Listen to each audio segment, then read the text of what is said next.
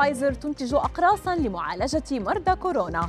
مرض غريب يؤدي لفقدان شعر الرأس ومشروب لذيذ يجدد شباب البشرة.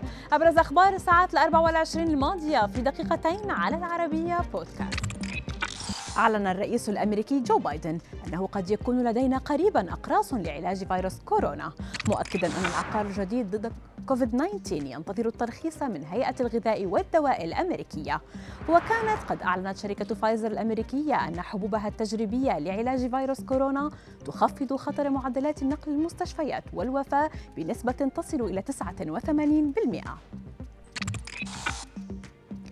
هوس نتف الشعر هو نوع من اضطراب الوسواس القهري حيث يكون لدى الشخص رغبة قوية في نتف شعره بشكل متكرر. ولا السبب الدقيق للإصابة غير معروف ولكن يعتبر التوتر والقلق من الأسباب الرئيسية للحالة. وتتضمن طرق العلاج الأدوية التدريب على كيفية التحكم في رغبتهم في نتف الشعر والتحكم في المحفزات.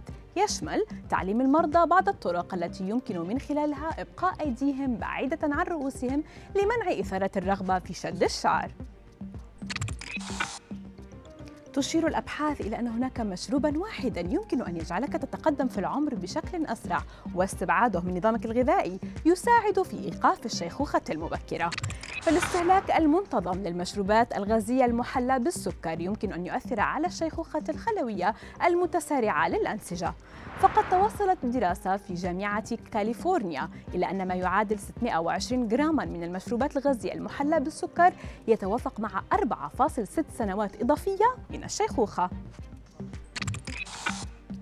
وبالمقابل هناك مشروب الكاكاو الذي يتمتع بخصائص مفيدة متعددة الأوجه منها أنه يساعد في تجديد شباب البشرة. فسائل الكاكاو الطبيعي وليس المشروب الذي يتم تحضيره من مسحوق سريع الذوبان غني بالفيتامينات والمعادن التي تساعد في تحسين وظيفة العضلات وتساعد المصابين بفقر الدم.